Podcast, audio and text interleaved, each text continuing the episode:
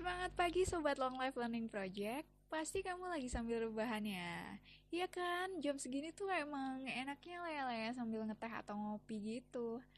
Makin syadu lagi kalau kamu sambil dengerin podcastnya Long Life Learning tentang sahabat penyelamat hewan. Biar kamu tahu gimana sih prospek berkarir sebagai dokter hewan. Nah, pengen tahu juga kan apa aja yang mesti dipersiapkan buat kuliah di kedokteran hewan? Gimana sih suka dukanya jadi mahasiswa kedokteran hewan? Terus abis lulus kuliah itu bisa kerja jadi apa aja? Atau pengen tahu juga apa aja spesifikasi kerjanya? Nah, pas banget nih kita bawain pembicara dokter Wahyu Hidayat. Beliau ini mahasiswa S2 Fakultas Kedokteran Hewan Universitas Gajah Mada dan udah banyak berkecimpung di dunia kedokteran hewan. Yuk dengerin aja diskusi menariknya selama satu jam ke depan.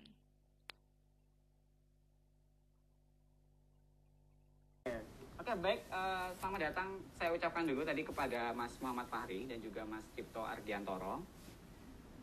Selamat datang di uh, webinar ini. Oke, uh, kita akan mulai saat ini karena alhamdulillah sudah 9 orang. Baik, pertama, Assalamualaikum warahmatullahi wabarakatuh. Salam perdamaian dan salam kebajikan. Perkenalkan nama saya Zanuar Baru Prasetyo, di sini selaku moderator untuk webinar pada senja hari ini. Uh, pertama-tama kami ucapkan selamat datang kepada para peserta webinar yang telah menyempatkan diri untuk uh, hadir dan juga ikut dalam diskusi, ikut dalam menggali informasi uh, pada webinar 12 yang berjudul Sahabat Penyelamat Hewan Kemudian kita memiliki subjudul yakni pengalaman atau uh, berkenalan berkarir sebagai dokter hewan. Oh ya, Mas Wahyu di sini nanti kita di sini izin record ya, Mas. Iya. Nanti insya Allah uh, teman-teman jadi teman-teman di sini nanti bisa mendengarkan ulang kalau misalnya nanti terdapat uh, suatu informasi yang apa istilahnya mungkin perlu di share untuk teman-teman yang lain. Kita juga akan share dalam bentuk uh, rekaman di baik di live IG maupun di podcast seperti itu. Oke, kemudian kami haturkan terima kasih yang sebesar-besarnya untuk para peserta yang sudah bersedia untuk hadir pada senja hari ini. Oke, uh, berikutnya uh, tanpa panjang lebar lagi, di sini saya selaku moderator akan memperkenalkan pembicara kita. Pembicara kita pada sore hari ini bernama Wahyu Hidayat. Ini saya panggil Mas Wahyu nggak apa-apa ya? Atau mau panggilan yang lain? Panggil apa bagusnya? Loh ya apa? Masa uh, Pak Dokter atau gimana? ya terserah deh. Oke oke Mas Wahyu. Opa, ini kata Melin Opa juga. Melin deket ke Korea. Oke, baik. Uh, izinkan saya untuk memperkenalkan pembicara kita pada sore hari ini. Nama beliau Wahyu Hidayat asli dari Pekanbaru Riau. Nah, di sini saya akan memperkenalkan beberapa hal saja, jadi supaya tidak terlalu apa istilahnya panjang lebar, bisa memberikan kesempatan untuk Mas Bayu untuk nanti berbicara. Kemudian yang pertama adalah mengenai pendidikan dan juga pelatihan. Pada tahun 2013 sampai 2018 uh, menyelesaikan studi di sebagai Bachelor of Veterinary, Veterinary Medicine atau sarjana kedokteran hewan dan juga veter veterinary profession. Agak susah ini juga. Di skip aja gimana? oh jangan. Ini penting soalnya poinnya. Oke. Okay. Langsung aja, langsung aja kalau gitu. Lanjut, lanjut ya, lanjut. Kemudian, nah untuk yang sekarang ini Mas Wahyu 2019 dan ongoing ya sekarang uh, sedang berkuliah di S S2 sebagai Master of Veterinary Science atau di Universitas Gajah Mada Jakarta di Fakultas Kedokteran Hewan. Nah, Kemudian untuk karena tema kita pada sore hari ini adalah tentang profesi ya, tentang bagaimana berkarir sebagai dokter hewan. Jadi saya akan menyampaikan uh, beberapa hal mengenai pengalaman dari Mas Wahyu ini.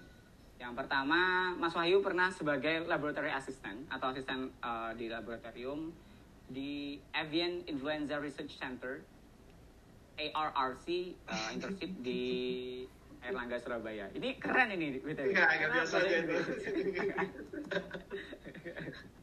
Oke, lanjut ya. Kemudian pada November 2017 sampai Desember 2017 di uh, sebagai hot control Health Control and Supervisor Farm di PT Satwa Unggul Poultry Group Blitar Jawa Timur. Jadi tugasnya itu yang pertama eh, untuk menjaga kesehatan dan juga keamanan dari ayam petelur, kemudian vaksinasi dan juga eh, mengontrol eh, tentang penyakit hewan, kemudian menjadwal dan juga menganalis menganalis eh, mengenai eh, ayam petelur lebih dari 11.000 dan juga peternakan yang lainnya. Kemudian pada Desember 2017 sampai Januari 2018 sebagai Supervisor Cattle and Animal Health di Balai Embrio Ternak Ditjen PKH Kementerian Pertanian yang memiliki tugas yang pertama monitoring monitor proses dari transfer embrio pada hewan ternak. Kemudian yang kedua mengatur atau memanage bagaimana tentang kegiatan harian daripada daripada ternak mulai dari pembelian pemberian suplemen, kemudian kesehatan dan juga uh, pengandangan. Kemudian pada bulan November 2018 sampai dengan Januari 2019 sebagai veterinarian di Animal Health Animal Health Clinic di Kepulauan Riau. Dan yang terbaru yakni pada bulan Maret 2019 sampai bulan Juli 2019 uh, sebagai Technical Service Representative di PT Pimai Mas Citra PMC area Bandung Sukabumi Jawa Barat. Di sini eh, Mas Wahyu memiliki tugas yang antara lain sebagai technical sales, kemudian obat-obatan dan juga vaksin daripada unggas, kemudian pelayanan dan juga penjelasan mengenai penyakit bagaimana penyakit tersebut muncul dan juga mengatur tentang produksi atau produk daripada unggas tadi serta ada juga tentang diplomasi kepada publik, privat dan tersektor. Jadi seperti yang bisa kita lihat di sini teman-teman eh, bahwa dokter hewan ini ternyata tidak hanya mengurus hewan saja, tetapi juga dari hulu ke hilir termasuk juga bagaimana eh, diplomasi kepada publik, privat dan tersektor. Jadi saya saya melihat ini sangat luar biasa ya mas pencapaiannya sampai sekarang 2019 ini. Oke, tanpa panjang lebar lagi. Saya bingung Oke, sebe- kok malah bingung. Iya. Gimana? Mau ngomong apa dulu ini? Mau mau ini aja mau diakhiri aja gitu. Oh, di akhirnya. Nanti lah, belum kita belum mulai ini. Oke, lanjut ya.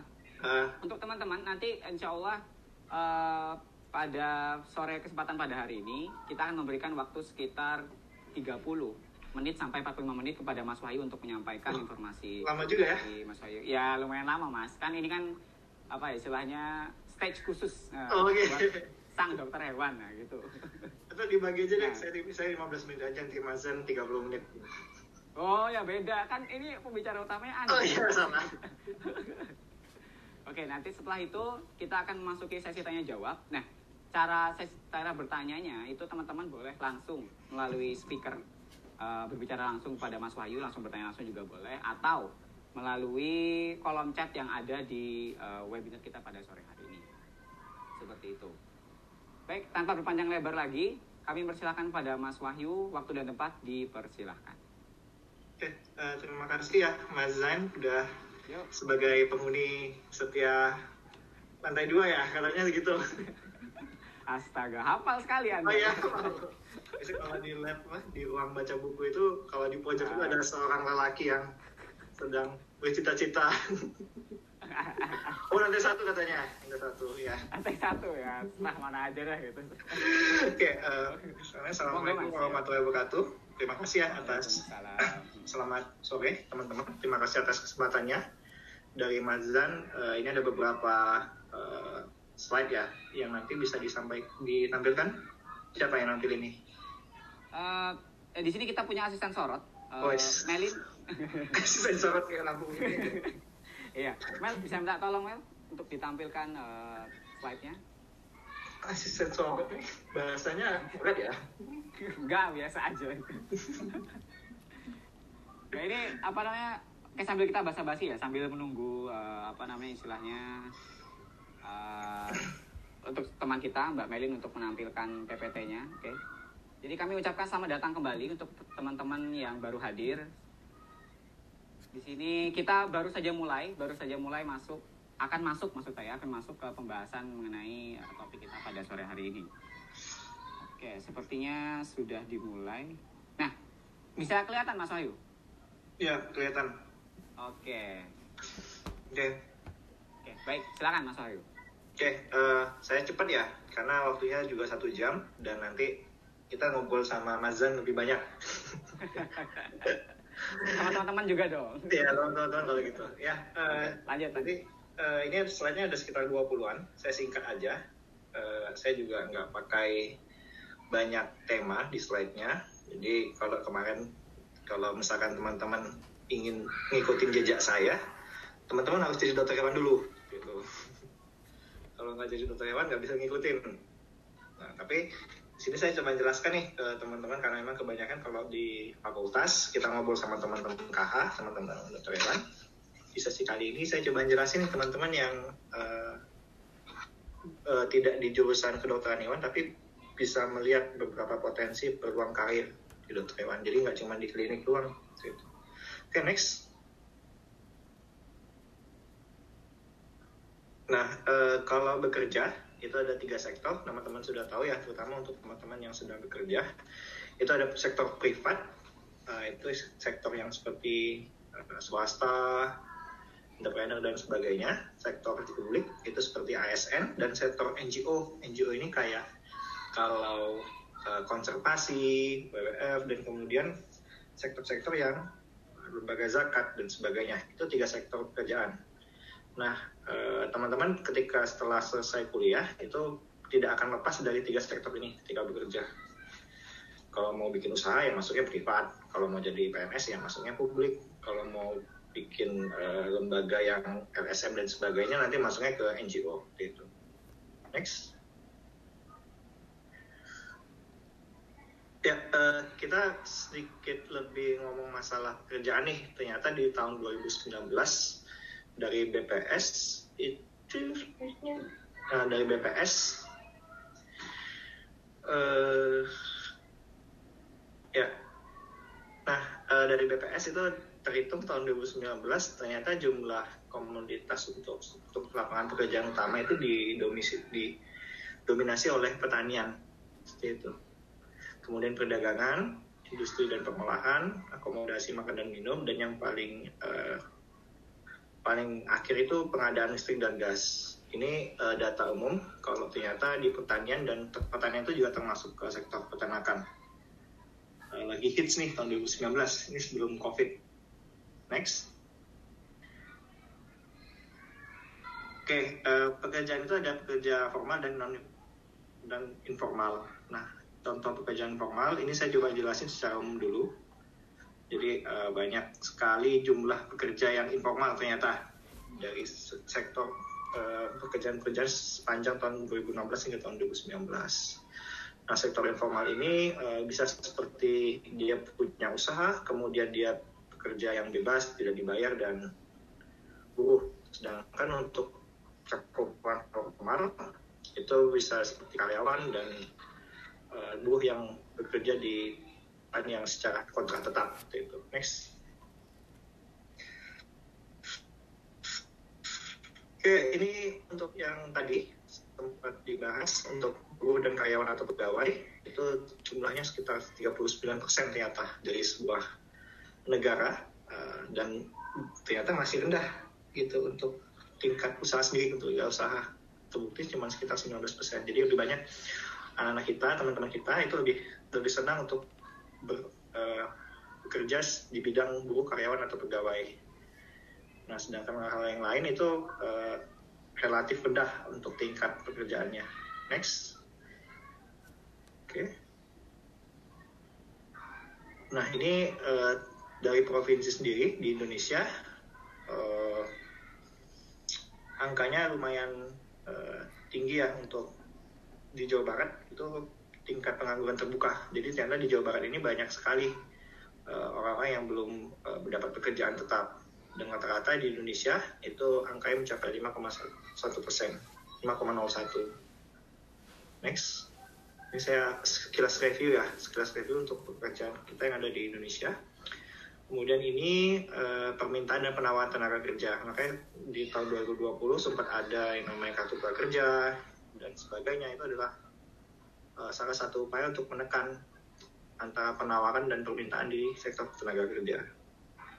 Next. Nah, ini untuk grafik dari pengangguran di universitas ternyata uh, jumlah kampus saat ini sudah melebihi dari jumlah yang pekerjaan yang ada gitu dan kita lihat sendiri di grafik untuk tingkat lulusan universitas itu penganggurannya meningkat sebanyak 25 persen. Sedangkan untuk diploma itu naik 8,5 persen. Nah jadi secara nggak langsung itu pergerakan untuk komunitas pekerjaan itu justru orang-orang malah menjadikan sekolah itu wajib S1 sehingga ketika semua orang pandangan bahwa wajib melaksanakan S1, maka di saat itu juga eh, tenaga-tenaga usaha yang membutuhkan tenaga-tenaga diploma itu semakin rendah dan mereka harus memaksa untuk uh, merekrut tenaga S1 karena banyak jumlah sarjana-sarjana baru sehingga sarjana-sarjana baru ini tidak terserap di lingkungan kerja. Hingga ya bisa dikatakan banyak sekali yang pengangguran untuk sarjana. Bahkan yang untuk SD SMP SMA justru malah mereka uh, turun dan dipastikan lebih mudah terserap tenaga kerjanya yang di sarjana itu next. Oke ini uh, next saja ini yang terjadi di, di, di ya. Nah sekarang evolusi industri sudah 0,1 titik 0, 2 titik 0, 3 titik 0, dan 4 titik 0 kalau 1.0 itu abad 18 ya teman-teman belum lahir. Tapi kalau Mas Mas Zen kayaknya udah lahir nih abad 18 oh, ini reinkarnasi kakek buyut saya mungkin atau siapa ya?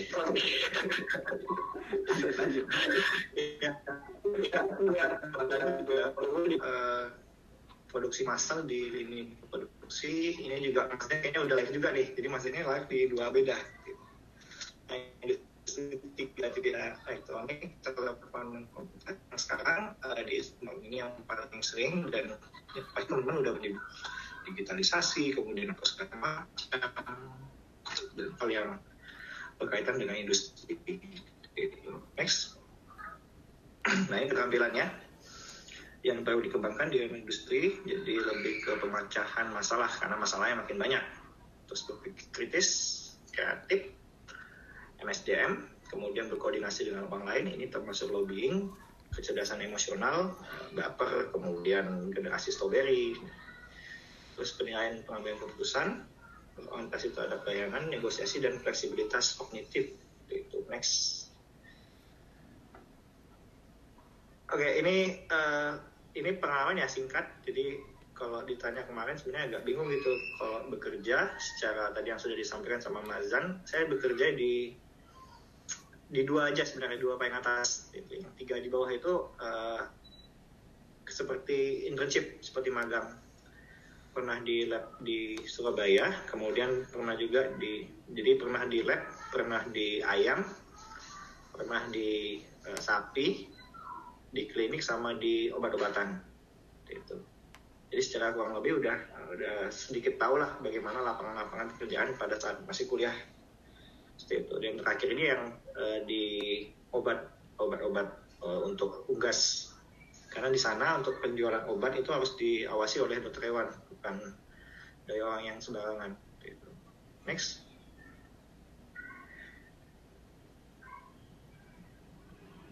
Nah ini ini temanya ya. Temanya ini jadi uh, kalau ditanya masalah lapangan pekerjaan ada 33 ini kalau teman-teman dokter hewan kalau tiap masuk semester 1 pasti dijelasin masalah ini. Jadi supaya semangatnya makin menggebu-gebu. Jadi kalau kita ternyata tidak hanya mengurusi masalah klinik tapi juga mengurusi 33 sektor di negara-negara di bahkan itu sudah keluar rilisnya dari OIE yang di Prancis bahwa selain menjadi dokter hewan kita juga bekerja di konservasi di aquaculture di ikan kemudian di lab.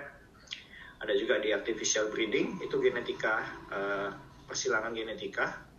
Terus kemudian uh, di food hygiene food technology food inspection legalisasi, publikasi, livestock marketing. Livestock ini uh, seperti halnya pembibitan sapi untuk produksi pangan ya untuk kita makan di nutrisi, di eksotik dan di ekonomi. Untuk menghitung bagaimana berapa kerugian dari suatu uh, negara. Itu nanti saya sertakan contohnya. Jadi yang pasti untuk dokter hewan sendiri kalau teman-teman biasa melihat ada dokter hewan di kantor atau dokter hewan yang ada di mana di hutan itu jangan kaget. Karena memang kita secara eh, lowongan kerja ada 33 dan ini bisa lebih banyak. Tergantung dari uh, passion teman-teman yang ada di dokter hewan itu next nah uh, seperti yang teman-teman ketahui karena kalau kita jalan keliling yang teman-teman di Jogja ya kalau keliling uh, jalan di Kaliurang itu lurus ke atas itu ada banyak sekali dokter gigi dan dokter umum. Tapi ternyata sepanjang perjalanan ke Kaliurang atas itu, itu dokter hewannya nggak banyak, cuma setahu saya ada dua, satu atau dua. Nah, kenapa? Karena jumlah fakultas di uh, Indonesia untuk fakultas kedokteran hewan sendiri itu cuma ada 11 kampus. Gitu. Dan 11 kampus ini itu mengalami penambahan satu terbaru tahun 2000 sekitar 2016 atau 2017 itu nambah satu. Jadi sebelum itu ada 10 pertama dari 8, 10, dan 11 dan kampusnya teman-teman bisa lihat logonya di atas. Jadi jangan heran kalau di pelosok-pelosok di, di kampung kampung di kecamatan kabupaten di dalamnya karena kampusnya juga sedikit yang ada fakultasnya gitu. dan kalau dibanding sama kedokteran ya beda lah ya jauh. Terutama untuk kedokteran umum. Itu di sepanjang jalan eh, sudah banyak plat-plat dokter umum tapi untuk nggak Eh, nggak banyak. Karena memang kampusnya juga nggak begitu banyak. Itu. Bahkan di Sumatera sendiri itu cuma satu kampusnya. Di Unsya aja di Aceh. Se Sumatera. Kalau se Jawa udah banyak ya teman-teman udah lihat logonya di atas. Sulawesi kemudian di Nusa uh, Nusa Cendana. Itu next nah ini uh, kalau teman-teman pasti ada yang tahu ya beberapa perusahaan. Perusahaan-perusahaan ini itu ada bisa dipastikan ada dokter hewannya di perusahaan-perusahaan ini. Kalau di Japa itu yang biasa makan teman-teman makan sosis atau makan ayam Japa ini termasuk uh, salah satu perusahaan unggas terbesar ya dari lima besar di Indonesia yang di antaranya adalah Pepan, Java, Monokoyo itu adalah perusahaan-perusahaan unggas perusahaan-perusahaan ayam. Terus kita juga ada di Nestle untuk pembibitan uh, sapi perah. Ada Royal Canin untuk makanan-makanan kucing dan Whiskas ya. Whiskas juga makanan-makanan kucing dan anjing. Greenfield itu untuk sapi perah juga. Uh, eh, MSD ini uh, eh, MSD ini obat obat biasanya untuk obat-obat yang mahal, obat mahal. Obat-obat seperti uh, vaksin, atau obat-obatan yang sifatnya lebih ke pencegahan penyakit. Sanbe, kalau teman-teman beli obat di Sanbe juga, di Sanbe juga ada dokter hewannya. Dan di Indohun, Indohun ini adalah NGO. Jadi nanti saya coba jelaskan di Indohun ini, itu juga ada semacam platform pembelajaran buat mengkoordinasikan yang namanya One Health. Jadi di Indohun ini dia uh, organisasi yang bergerak secara uh, mandiri, tapi juga dia mendukung untuk gerakan-gerakan uh, kesehatan seperti COVID-19 ini terutama. Next. Oke, ini saya coba jelaskan ya. Uh, jadi di publikasi di PD, PBPDHI, PDHI itu uh, Perhimpunan Dokter Hewan Indonesia, dokter hewan itu sudah um, menjabati di Kepala Balai Besar Pengujian Mutu dan Sertifikasi Obat Hewan di Kementan, kemudian uh, dulu juga ada Pak Ketut yang sempat menjadi Dirjen Peternakan dan Kesehatan Hewan. Ini dua-duanya dari Kementan untuk tingkat profesi. Jadi kalau teman-teman berencana jadi ASN untuk dokter hewan, itu biasanya untuk bagian-bagian Kementan yang paling sering untuk pembukaan lowongan. Dan di Kementan sendiri, tugasnya adalah untuk pengujian dan untuk uh, kesejahteraan di tingkat populasi daging, daging dan baik itu daging sapi maupun daging ayam di Indonesia itu adalah uh, peran-perannya dokter hewan. Itu. Jadi tidak hanya di klinik ataupun di tempat-tempat yang sifatnya uh, penanganan kesehatan, tapi juga di penanganan uh, pangan dan penanganan penanganan ini penanganan pemerintah dalam mengalokasikan anggaran-anggarannya di bidang peternakan seperti itu. Next. Nah, ini yang terbaru. Uh, ternyata selain itu, selain di Kementan, dokter hewan juga ada di Kementerian Kesehatan. Ini ada dokter Didi, uh, beliau sekarang di Kementerian Kesehatan di bagian uh, pengendalian penyakit tular vektor dan zoonotik. Sedangkan kalau yang satunya lagi ini ada uh, dokter hewan juga dari Fakultas MIPA. Ini di Malang ya, Universitas Islam Negeri Muhammad Ibrahim Malang sebagai guru besar. Nah, jadi sektor dokter hewan ini tidak hanya terbatas di bagian klinik saja, tapi juga bagian-bagian uh, pejabat-pejabat struktural dan akademisi. Next.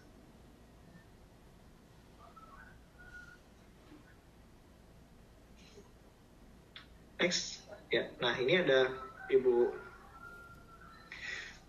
sebelum sebelum ini Bu saya uh, Trisatya Putri naik pos-pos uh, M itu beliau ini kemarin mendapat penghargaan sebagai yang edukasi beliau salah satu peneliti yang mengelola salah satu jurnal yang namanya Sifas uh, mendapatkan penghargaan gitu dari Kompas sebagai salah satu uh, penerima Nobel terbaik untuk di tingkat kesehatan itu. Jadi dokter hewan tidak hanya fokus kepada kesehatan hewan, tapi juga kesehatan manusia. Mereka juga bisa berperan dengan topiknya juga uh, beliau menjelaskan bahwa menyehatkan hewan itu bisa dengan melalui manusia. Eh menyehatkan manusia bisa melalui melalui hewan karena apa yang kita konsumsi selain tumbuhan adalah eh, bahan-bahan pangan asal hewan itu. Dan beliau mendapatkan Nobel sebagai uh, orang yang paling berpengaruh di tahun 2019 atau 2020 saya kurang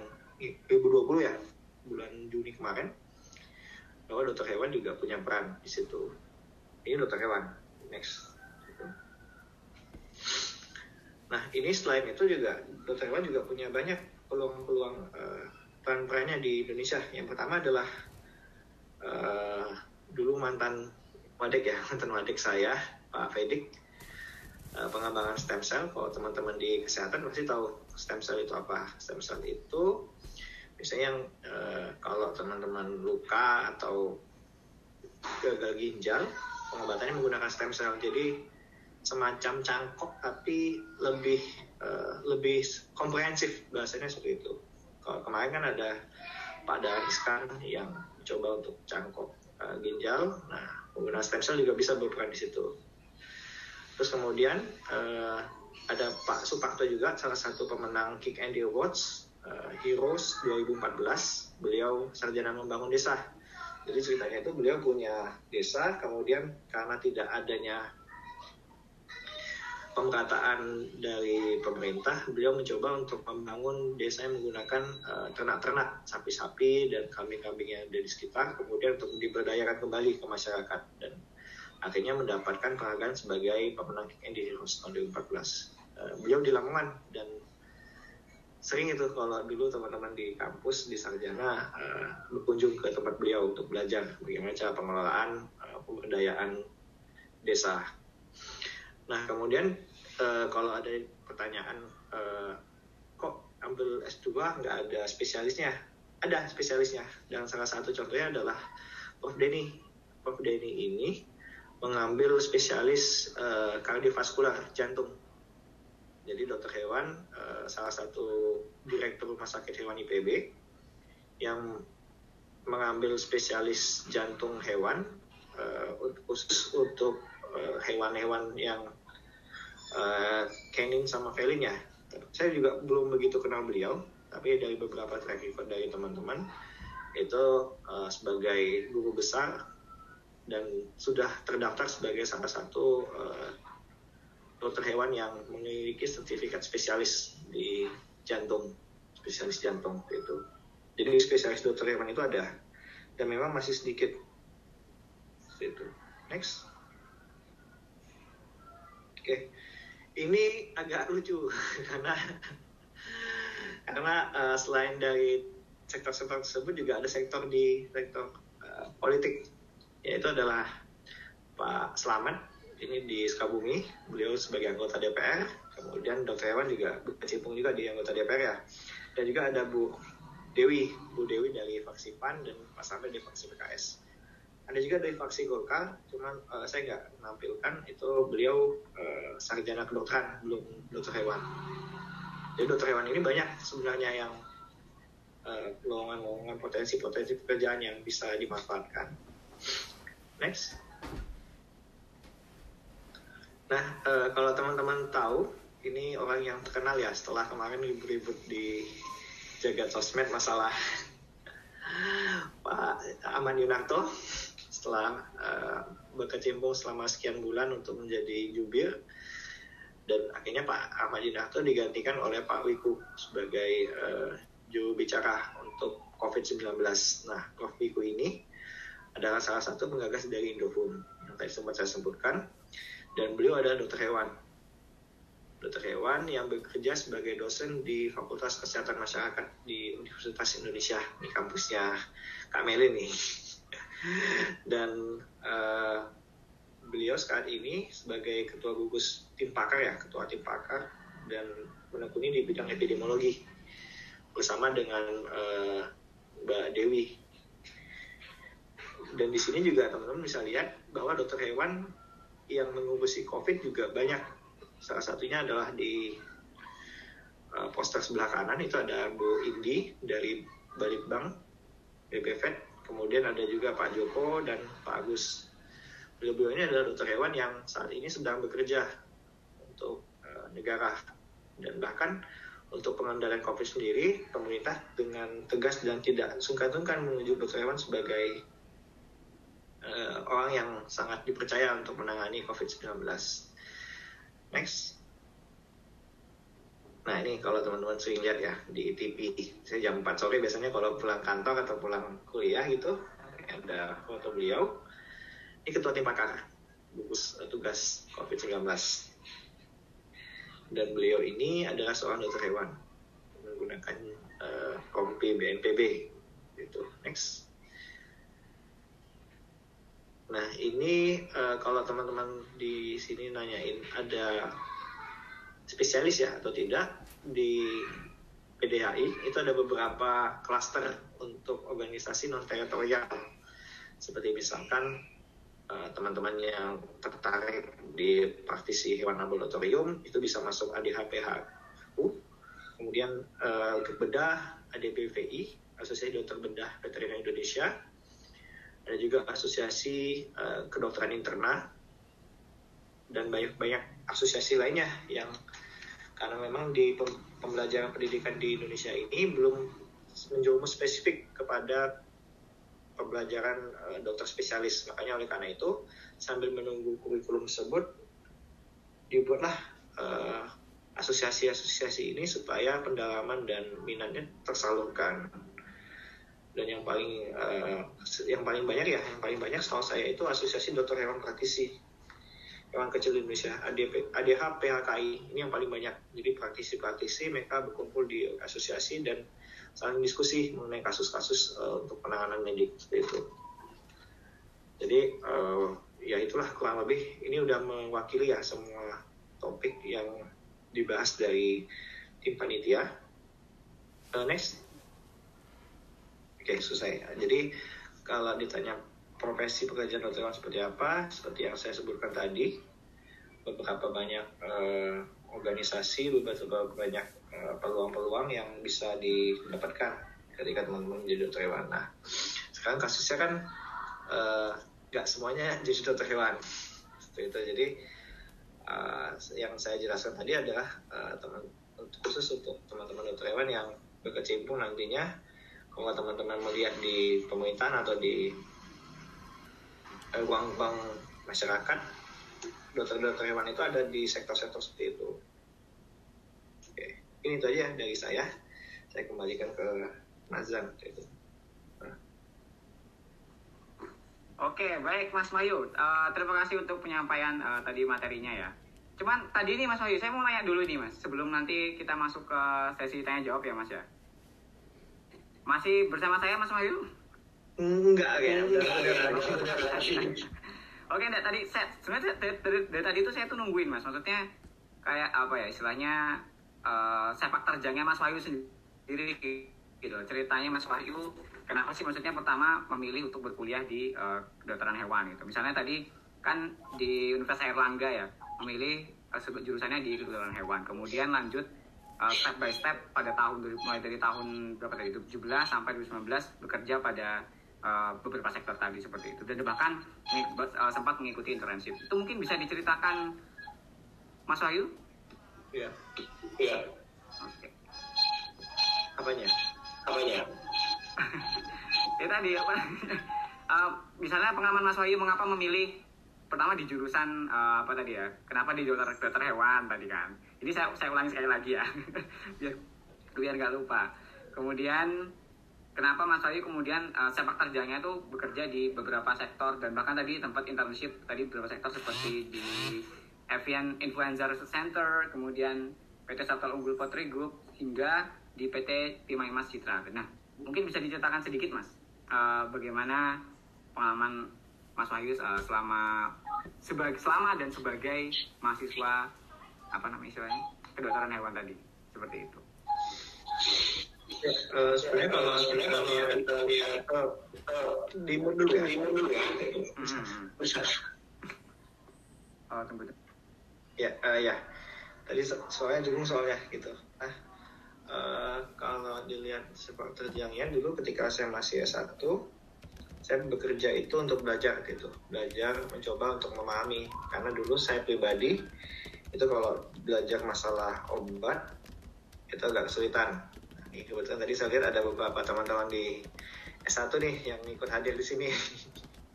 saya nggak perlu sebutin namanya tapi ada mata kuliah obat saat itu yang saya nggak bisa uh, dengan baik uh, mempelajarinya maka oleh karena itu saya coba untuk apply pekerjaan di perusahaan obat karena di samping saya ingin belajar masalah obat karena saya lemah di bagian itu ternyata di situ juga saya banyak belajar tidak hanya masalah obat tapi juga masalah-masalah yang lain. Dan pengalaman dulu ketika masih kuliah itu sempat beberapa ingin ya kepo ya kepo pengen mencoba untuk bekerja di lab. Tapi eh, pengen juga untuk bekerja di perusahaan-perusahaan yang bernama ternama seperti itu. Dan ternyata banyak sekali gitu ya sek, apa eh, pandangan-pandangan baru. Seperti halnya misalkan kalau ketika saya melihat masalah COVID-19 ini. Ada beberapa yang mengatakan hasil lab positif tapi kemudian beberapa orang yang di perusahaan atau yang di pihak dari pemerintah mengatakan bahwa ini bukan positif tapi maksudnya bukan positif karena meninggal karena covid tapi karena hal lain. Nah itu saya juga sudah belajar di bagian situ bagaimana cara mengambil keputusan. Karena eh, kalau kita mengambil keputusan juga melihat dari faktor-faktor eh, sosial. Dan itu saya pelajari ketika masih sektor-sektor tersebut ketika masih eh, setelah sarjana dan kalau menyambut dari pertanyaan dari Mazan, kenapa sih ngambil uh, kedokteran hewan? Karena di dokter hewan sendiri, yang pertama peluangnya masih besar. Dan pembelajaran dokter hewan itu adalah pembelajaran yang paling aplikatif. Yang di mana kita bisa langsung menalarkan secara secara utuh ya. Jadi tidak, uh, kalau misalkan Mazan tiba-tiba sakit perut, nah saya secara uh, insting itu sudah tahu, oh kalau sakit perut berarti minumnya ini, makannya ini, penyebabnya ini dan sakitnya ini gitu. Dan beda ketika saya dulu ketika masih sekolah belajar masalah teknik misalkan fisika. Ada katrol kemudian ada ban menggelinding dan itu ilmu-ilmu yang ketika saya berpikir masih sekolah tersebut itu ilmu-ilmu yang tidak aplikatif menurut saya karena justru yang aplikatif itu yang yang ada hubungannya dengan diri saya sendiri. Makanya ketika saat itu saya coba untuk uh, berkelut di bidang medis. Jadi pengen ya pengen yang nutrisi dan pengen uh, jurusan-jurusan yang ada hubungannya dengan kita. Dan akhirnya uh, masuklah di kedokteran hewan. Dan ternyata di kedokteran hewan itu selain kita belajar masalah hewan itu juga banyak belajar masalah uh, manusia. Jadi kalau uh, teman-teman nanyain masalah manusia sebenarnya dokter hewan itu masih nyambung masih bisa menjawab dengan baik. Masih bisa memberikan penjelasan yang lebih uh, lebih jelas karena kita punya pembanding. Misalkan kayak pembanding antara kucing dan anjing sapi dengan kambing kambing dengan domba. Dan pasti kita juga akan membandingkan dengan manusia. Kucing dengan manusia itu bedanya seperti apa? Kemudian uh, sapi dengan manusia. Jadi obat-obat yang dipakai untuk sapi apakah bisa dipakai untuk manusia itu juga pasti dipelajari. Jadi di situ adalah pembelajaran yang uh, baik gitu. Yang gitu mas. Ya, jadi uh, kalau bisa saya lihat tadi ya, uh, memilih sebagai dokter hewan adalah jadi bisa uh, karena sifatnya lebih aplikatif uh, untuk diterapkan dibandingkan uh, di apa maksudnya terutama untuk dokter hewan sendiri. Begitu mas ya? Iya benar benar. Hmm, Oke, baiklah teman-teman uh, sekarang kita memasuki sesi tanya jawab. Silakan jika ada pertanyaan boleh bertanya langsung melalui uh, speaker langsung gitu berbicara langsung boleh atau melalui via chat kolom chat ini juga boleh. Oke ini sudah ada pertanyaan pertama Mas Wahyu dari Mbak Raisa Koiriana. Sebelumnya terima kasih atas materi yang sudah dipaparkan. Bagaimana pengalaman tugas akhir dari kedokteran hewan? Gimana mas ceritanya? Itu apakah kita bikin skripsi tentang tentang hewan atau apa gitu mungkin silakan Oke, pokoknya tanya ke ini ya, resolusi konflik ya. Bagaimana tugas akhir resolusi konflik itu? itu ranahnya beda lagi mas. Ini yang dokter hewan dulu. Oh, ya. Oh, ya. Ya uh, jadi untuk sebenarnya untuk tugas akhir tidak begitu sulit ya karena kita banyak sekali spektrumnya.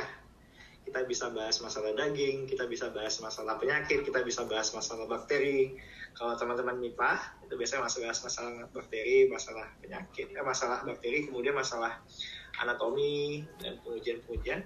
Di dokter hewan bisa dibahas semuanya gitu. Bahkan saya ketika kalau di UGM ya, itu kan sebelahannya kan dengan Fakultas Peternakan ya, kalau di UGM.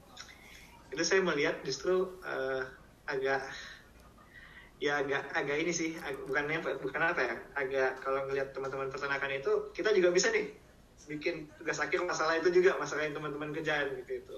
Karena saking luasnya apa yang bisa kita bahas di penelitian.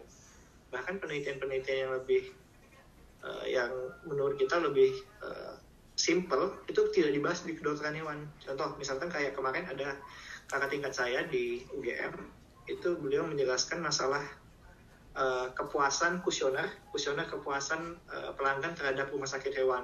Dan itu bahkan saya baru pertama kali melihat ada orang yang yang membuat tugas akhir seperti itu gitu. Mereka cuma ngasih kuesioner nanya testimoni gimana nih pelayanan di rumah sakit hewan dan sebagainya. Itu di di KH itu baru pertama kali saya ketemu seperti itu. Dan bahkan hal seperti itu juga bisa dibahas di tugas akhir. Saking banyaknya apa yang bisa kita bahas kita juga bisa bahas masalah hewan-hewan yang ada di hutan hewan-hewan yang ada di laut ikan kemudian kita juga bisa bahas-bahas masalah uh, kebijakan, masalah virus, masalah uh, mikrobiologi, masalah pakan, masalah uh, daging ayam, daging sapi dan sebagainya. Jadi memang banyak yang uh, bisa kita bahas untuk tugas akhir seperti itu. Oke, okay. baiklah uh, Mas Wahyu. Oke, terima kasih untuk Mbak Raisa Koirena atas pertanyaannya. Nah, sekarang sekarang sekarang sekarang maksudnya ya. Uh, pertanyaan baru dari uh, Mbak Khadijah Khairul Baria. Terima kasih Dokter Wahyu sudah memaparkan materi. Eh, ini udah dipanggil dokter loh. Izinkan saya untuk bertanya, mengapa saat ini Anda memilih untuk studi lanjut S2? Apakah gelar dokter hewan saja masih tidak cukup? Terima kasih banyak. Silakan Mas Wahyu.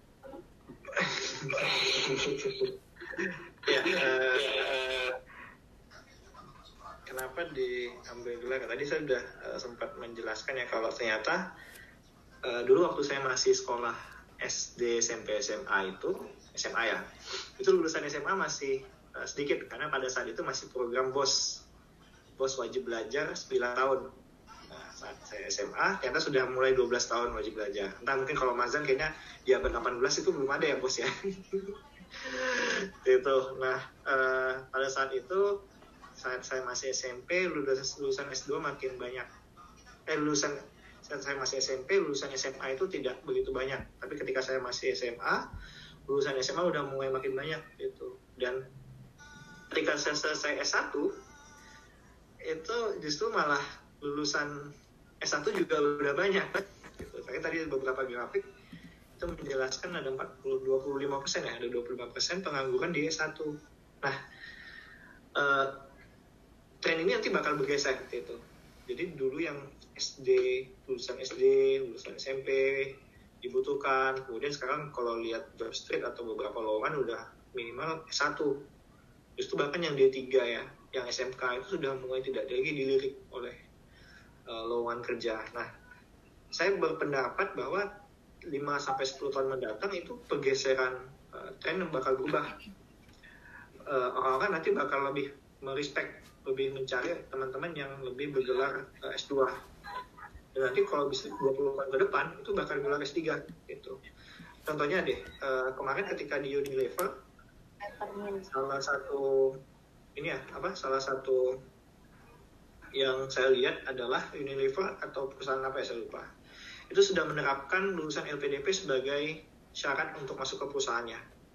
Jadi kalau misalkan kamu pengen ngelamar contoh di Unilever, itu kamu harus LPDP dan terhubung ke mata Garuda. Dan itu saya temukan di tahun lalu, masalah tahun lalu sampai tahun ini. Uh, pergeseran pendidikan formal itu sudah semakin masif. Nah, kalau kita berkaca di ke luar negeri, di Amerika, di Inggris, dan di tempat-tempat lain, itu dok S3, PhD ya, PhD itu umur 27 itu udah biasa, 27, 28. Itu kalau teman-teman buka YouTube, nonton webinar atau nonton orang yang pakar di bidangnya masing-masing, itu bilangnya dokter semua, dokter, PhD, PhD, dokter, dokter. Dan kalau teman-teman ngambil Erasmus atau pernah studi exchange ke luar negeri, itu justru S1 nggak ada, gak ada lagi orangnya malah. Jadi teman-teman seusia kita ini udah nggak ada lagi S1. Di luar negeri itu sebenarnya udah S3. Mereka bekerja di perusahaan itu, postdoktoral itu udah S3 bekerja. Jadi saya ngelamar nih kerja di UGM misalkan jadi bagian admin admin UGM itu saya gelarnya S3 gitu ngurusin berkas tuh S3 gelarnya karena memang di luar negeri pergerakan pendidikannya udah cepat nah di Indonesia ini memang masih uh, lama dan investasi sekarang itu lebih penting karena kalau teman-teman nunggu nanti trennya sudah semakin banyak ya saat ini udah semakin banyak nanti mungkin Mas Zen juga sama Mbak Mele juga pasti ngerasain kalau uh, lowongan-lowongan dosen sekarang sudah S3 ya. Nah, kalau mau daftar dosen di UGM ya harus minimal S3 atau kalau di Kemenpora itu minimal sudah lima tahun kerja di luar negeri. Dan nanti kalau kita udah selesai S3 minimal S4, S5, S6, S7 gitu. Jadi uh, itu yang salah satu alasan kenapa kalau jadi S2 dan uh, harapannya teman-teman yang masih uh, sekolah di sarjana itu sudah mulai memikirkan ke arah sana. Kalau bukan sekarang, mau kapan lagi? Itu kalau cuma mau nulis gelar, kalau kata dosen saya itu kalau cuma mau nulis gelar ya tulis aja gelarnya gitu, nambah MSc atau MSI kan nggak sulit kan. Tapi uh, pergerakan dunia pendidikan sekarang itu sudah semakin maju dan S3 itu bukan lagi sebagai pilihan untuk teman-teman S2, tapi sebagai kewajiban karena lowongan-lowongan dosen sekarang sudah banyak yang S3. Itu. Oke. Oke, thank you Mas Wahyu untuk sudah menjawab pertanyaan dari Mbak Khadijah Khairul Baria. Nah ini ada pertanyaan lagi Mas dari Mosaif, uh, Mas Mosaifu Bahri. Assalamualaikum Mas, selamat sore Dokter Wahyu. Uh, apa spesifikasi pekerjaan lulusan dokter hewan dan peternakan dalam ranah birokrasi. Ini tadi kayaknya kita sempat nyinggung ya mas ya tadi bahas mengenai beberapa hal uh, pekerjaan dokter hewan di birokrasi ya mungkin di pembuatan kebijakan kemudian di apa ya istilahnya di belakang kepelatihan sekalipun seperti itu mungkin Mas Ayu bisa mungkin di apa istilahnya re highlight lagi mengenai hal ini. Oke, okay, uh, terima kasih ya, terima kasih ya. Jadi uh, Mas Saipul, Saipul Bahri. Jadi ini kayaknya saya tahu dia orang ini. nah, uh, lulusan dari pekerjaan dokter hewan, apakah spesifikasi pekerjaan lulusan dokter hewan dan peternakan dalam ranah edukasi? Ya di Kementan. Biasanya kalau di uh, di misalkan kalau di Madura nih, di Madura itu teman-teman kan banyak petani, mereka punya peternakan. Nah biasanya kalau mereka mau gratis dapat pengobatan uh, hewan ternaknya, itu mereka tinggal telepon aja sama dinas.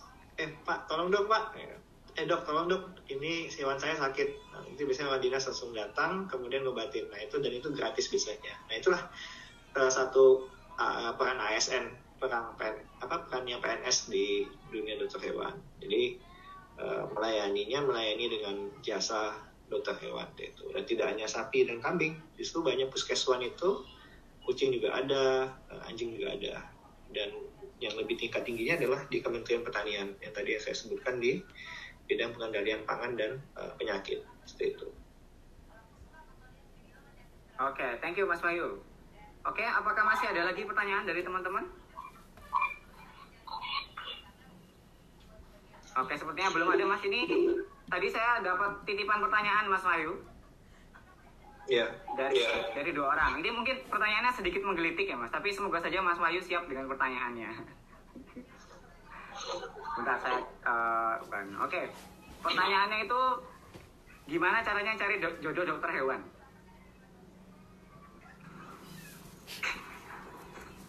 Kedengeran nggak Mas?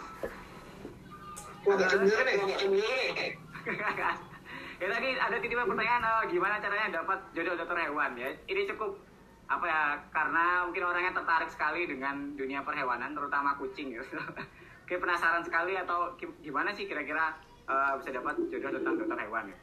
jadi pertanyaan santai aja sih mas silakan Uh, uh, ya, cowok atau cewek? Cowok atau cewek?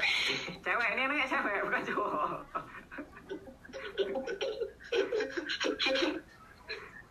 ya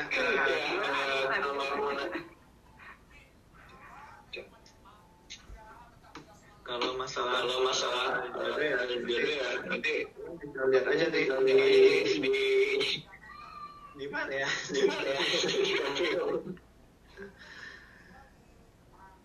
Nah, ya uh, kalau masalah gimana cara dapetin jodoh itu kayaknya teman saya ada yang lebih jago nih. Ntar saya suka dia jawab aja ya. Ini ada ada kolega saya juga nih yang uh, join.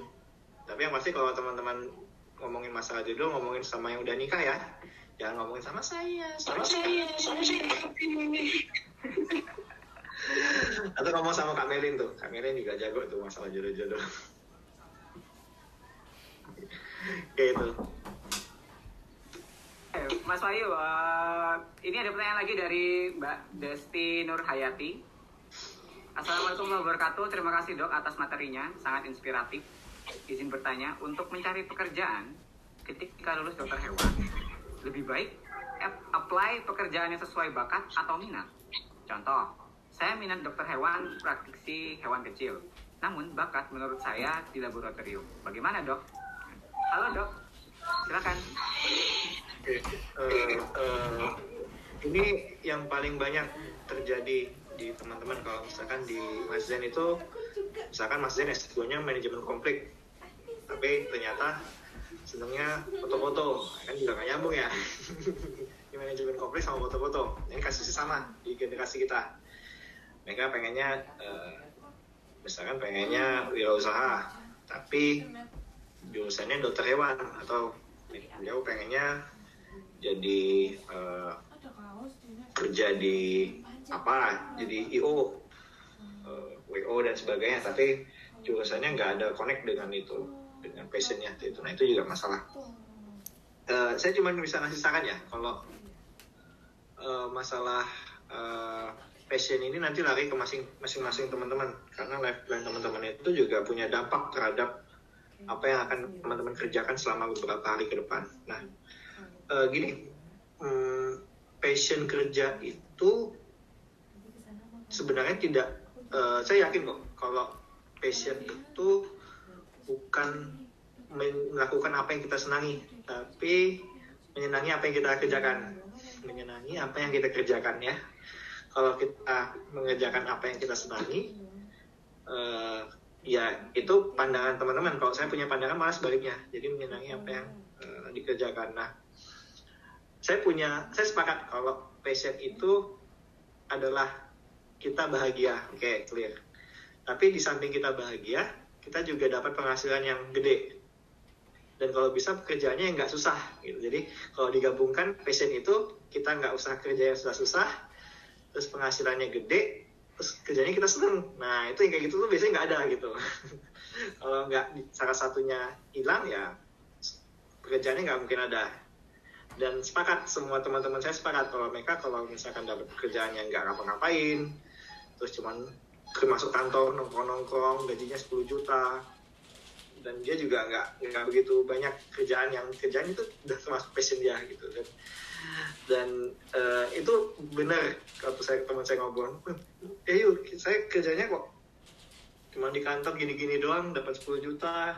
Bingung nih mau ngapain gitu. Dan dan beliau menikmati. Nah itu yang saya katakan sebagai passion gitu. Nah tapi untuk kasus-kasus yang tidak terjadi demikian itu justru berbeda. Nah misalkan ada dari pertanyaannya uh, di hewan dokter hewan praktisi juga klinik. Namun bakat di laboratorium. Nah sebenarnya hal seperti ini itu bisa diatasi dengan cara teman-teman yang uh, bekerja di praktisi atau bekerja di yang mereka sukai itu tinggal ini aja tinggal apa ya melampiaskan hal lain gitu kalau kalau saya kan dulu kan senangnya sebenarnya bukan ke ini bukan saya kan sebenarnya nggak suka jualan nggak suka marketing. Tapi di pekerjaan yang pertama saya adalah marketing. Technical service itu kan marketing. Tapi secara pribadi saya nggak bisa marketing. Nah saya lampiaskannya gimana? Saya nulis. Nulis bikin bikin apa? Bikin tulisan masalah apa atau main-main atau main game yang sifatnya lebih membangun dari apa yang saya sukai. Dan itu sebenarnya adalah hal-hal yang pelarian yang tidak bisa dihindari itu dan untuk kasus-kasus seperti ini memang tidak ada cara lain selain menyukai apa yang kita kerjakan. Kalau teman-teman sudah siap dengan pilihannya, maka siap juga dengan semua konsekuensi yang teman-teman akan ambil. Masalah minat itu bisa diselesaikan nanti ketika sudah bekerja atau ketika teman-teman sudah punya penghasilan yang mapan. Karena uh, ya bagaimanapun juga kita butuh penghasilan yang kuat dulu sebelum kembali untuk berkecimpung di tugas yang kita senangi, di passion yang kita uh, senangnya itu. Gitu sih. Hmm.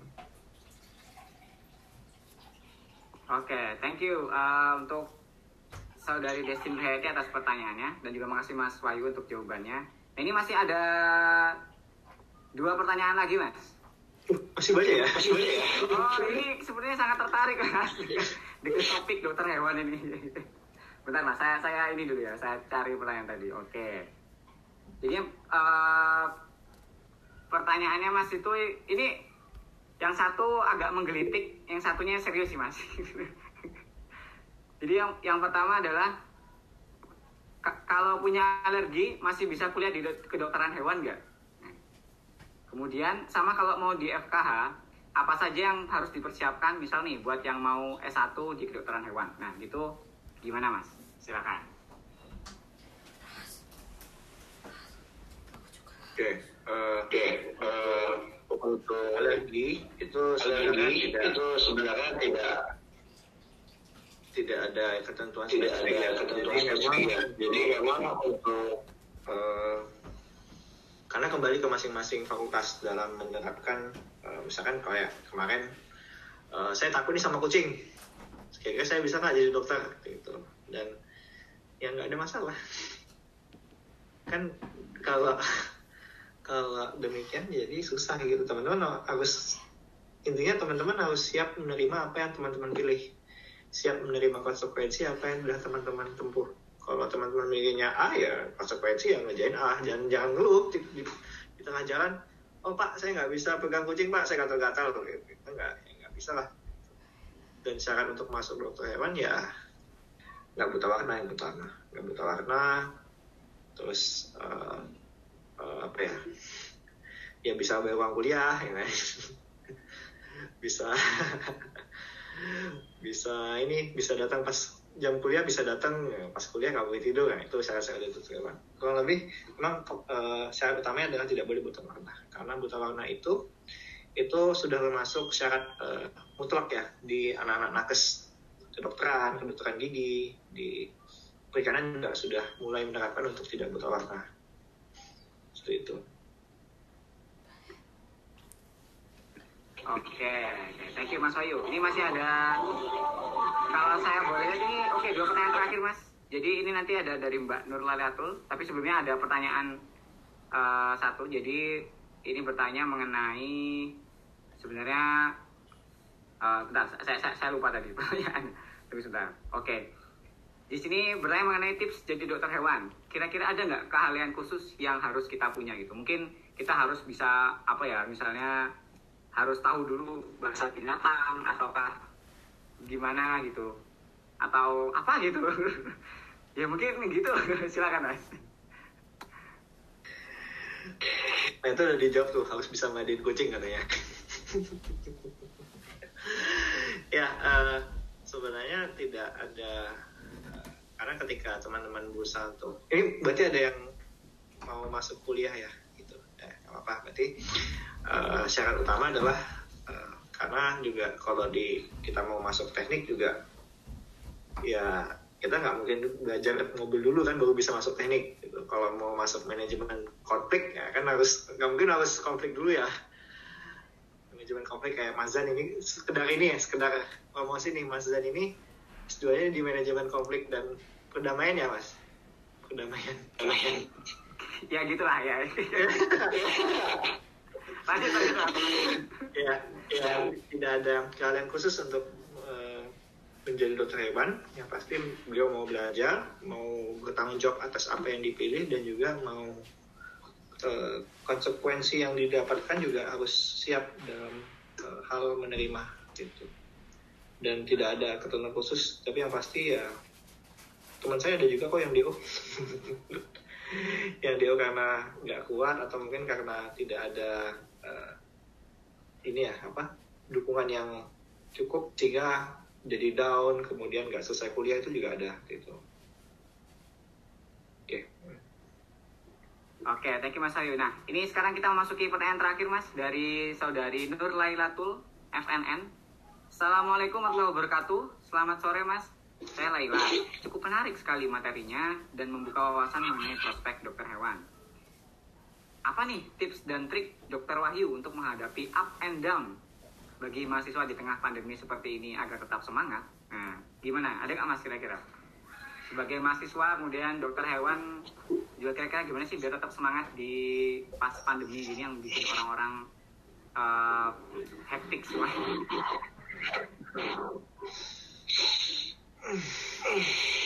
Saya bingung jawabnya saya bingung jawabnya gimana nah karena juga kita juga stres nih.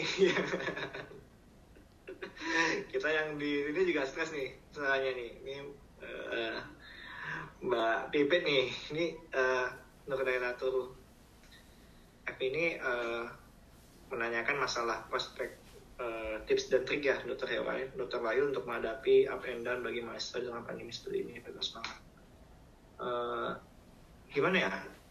Justru malah tekanan-tekanan terhadap perkuliahan itu itu harus bisa tertata dengan rapi. Karena memang sekarang sedang eh, sedang apa ya sedang eh, libur. Kemudian banyak yang online juga. Yang pasti adalah teman-teman harus mulai menata menata bagaimana caranya supaya waktu itu tidak terbuang percuma. Karena eh, kita tidur 5 menit aja itu ada 10.000 orang yang sedang bekerja. Dan mereka siap mengalahkan kita seperti itu. Jadi ketika kita lengah sedikit aja itu ada 10.000 orang yang udah siap nih di belakang buat ngebantai kita nanti di 5 sampai 10 tahun mendatang gitu. jadi dimaksimalkan waktunya dan supaya tetap semangat ya ngopi-ngopi lah sama Azan ini ngopi-ngopi dulu lah kita di mana?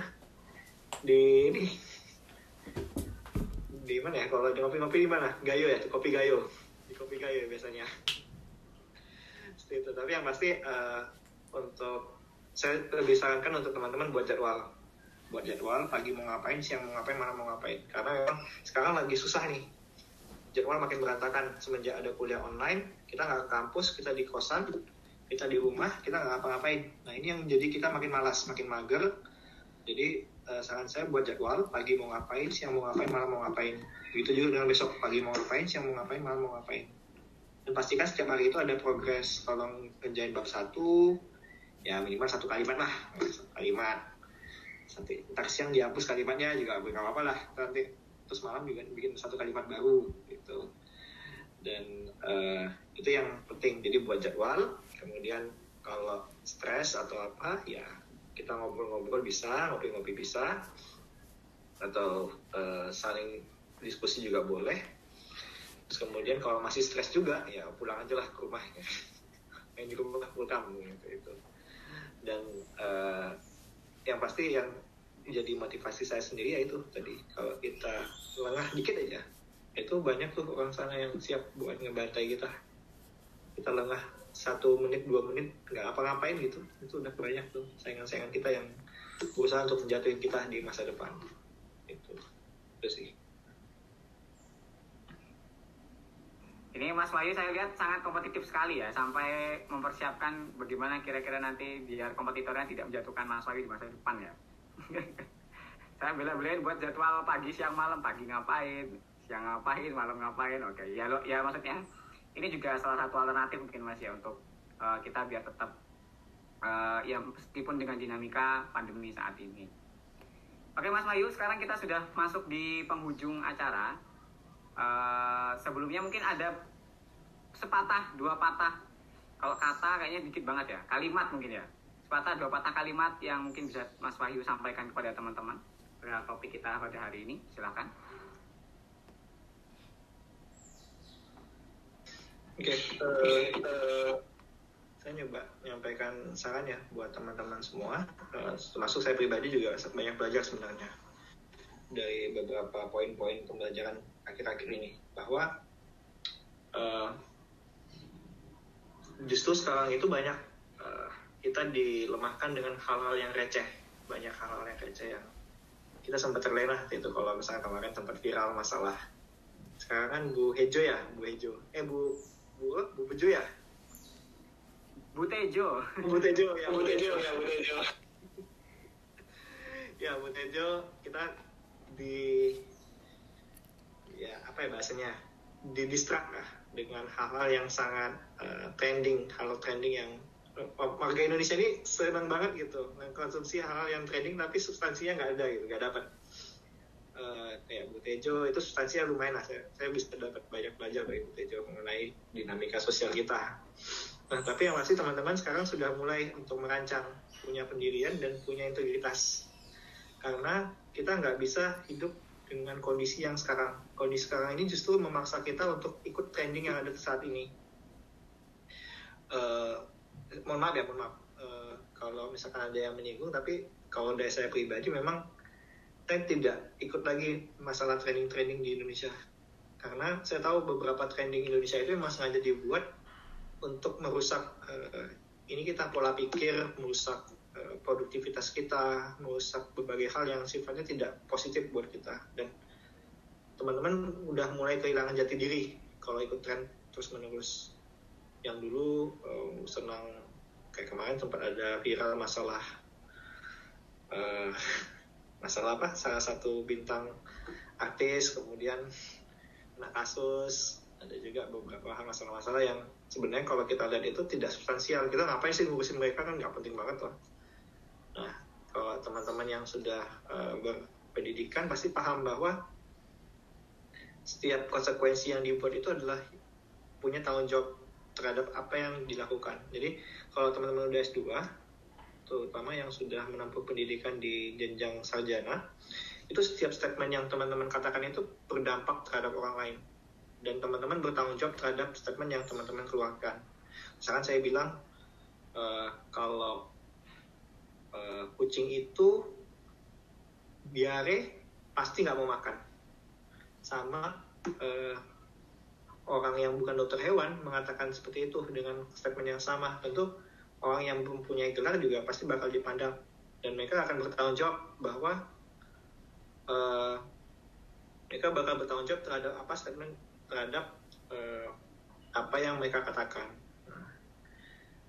uh, itu sih yang jadi bingung jadi mau ngomong apa tadi dari ke mana-mana sampai ke sini. Uh, yang pasti yang yang ingin saya sampaikan di akhir-akhir adalah itu. Jadi teman-teman sudah mulai besar, sudah bisa mempertanggungjawabkan apa yang akan diambil putusannya, apa yang akan dikatakan, dan sudah harus punya prinsip dan integritas diri sendiri. Karena sekarang negara kita sedang eh, kalau saya mengatakan itu agak chaos, agak chaos ya. Kita agak di diobrak-abrik lah masalah uh, tren-tren yang bisa jadi sebagian ada yang positif juga sebagian ada yang negatif dan uh, semoga prinsip dan integritas kita tetap kuat untuk menjaga terhadap hal-hal tersebut itu itu sih mas Zan. Oke, luar biasa sekali ya Mas. ya. Berarti kita harus punya pendirian yang teguh kemudian memfilter segala hal mungkin yang mungkin apa yang vir, apa yang viral, kemudian apa sih kira-kira yang mana yang lebih sifatnya substansial atau tidak seperti itu. Oke, baiklah teman-teman. Uh, ini kita sudah alhamdulillah di akhir acara.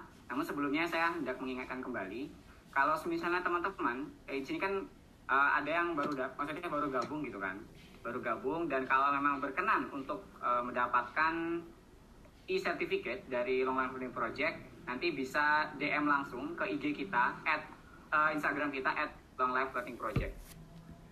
Seperti itu. Oke Mas Wahyu uh, mungkin cukup untuk sore hari ini Mas. Saya saya sampaikan terima kasih banyak untuk informasi dan kes kesediaan Mas Wahyu uh, dan kesempatan Mas Bayu yang, Mas Bayu berikan kepada kami sehingga kami ternyata memiliki apa ya banyak insight atau masukan. Oh ternyata dokter hewan itu seperti ini oh ternyata dokter hewan itu seperti ini kemudian pekerjaannya seperti ini dan berbagai macam dinamika serta apa istilahnya substansi yang ada di dalamnya oke jadi Mas Bayu kami ucapkan terima kasih banyak nanti ditunggu ya Mas sertifikatnya Jadi kapan nih mau ngopi-ngopi? Ngopi-ngopi. Ya belum tahu ini nanti kita lihat dulu keadaannya. Oke, baiklah. Uh, terima kasih teman-teman. Terima kasih sudah berkesempatan hadir uh, pada sore pada senja hari ini. Untuk teman-teman yang tadi baru sempat hadir, mungkin di tengah-tengah acara atau di akhir acara, jangan khawatir, masih bisa teman-teman dengarkan informasi kami secara lengkap di podcast kami di spot bisa buka di spot spotify.com slash Long Life Learning Project atau anchor.fm anchor uh, slash Long Life Learning Project. Nanti bisa teman-teman dengar uh, di sana. Seperti itu. Baik, terima kasih untuk waktu dan kesempatan yang diberikan. Uh, kami mohon maaf jika ada salah kata atau salah ucap atau perbuatan yang sekiranya menyinggung atau tidak sengaja kepada kepada teman-teman semuanya. Akhir kata, wassalamualaikum warahmatullahi wabarakatuh dan sampai jumpa di webinar selanjutnya. Dadah. Ya, sayang banget ya diskusinya padahal seru banget. Eh, udah selesai aja. Jadi gimana? Udah siap daftar jadi mahasiswa kedokteran hewan? Udah siap mengabdikan diri sebagai dokter hewan dan membantu teman-teman fauna kita? Oke deh, semoga sukses ya berkarir sebagai dokter hewan. Ingat kata pembicara kita Dr. Wahyu Hidayat bahwa passion itu bukan mengerjakan apa yang kita sukai, tapi menyukai apa yang kita kerjakan. Sampai jumpa di episode selanjutnya.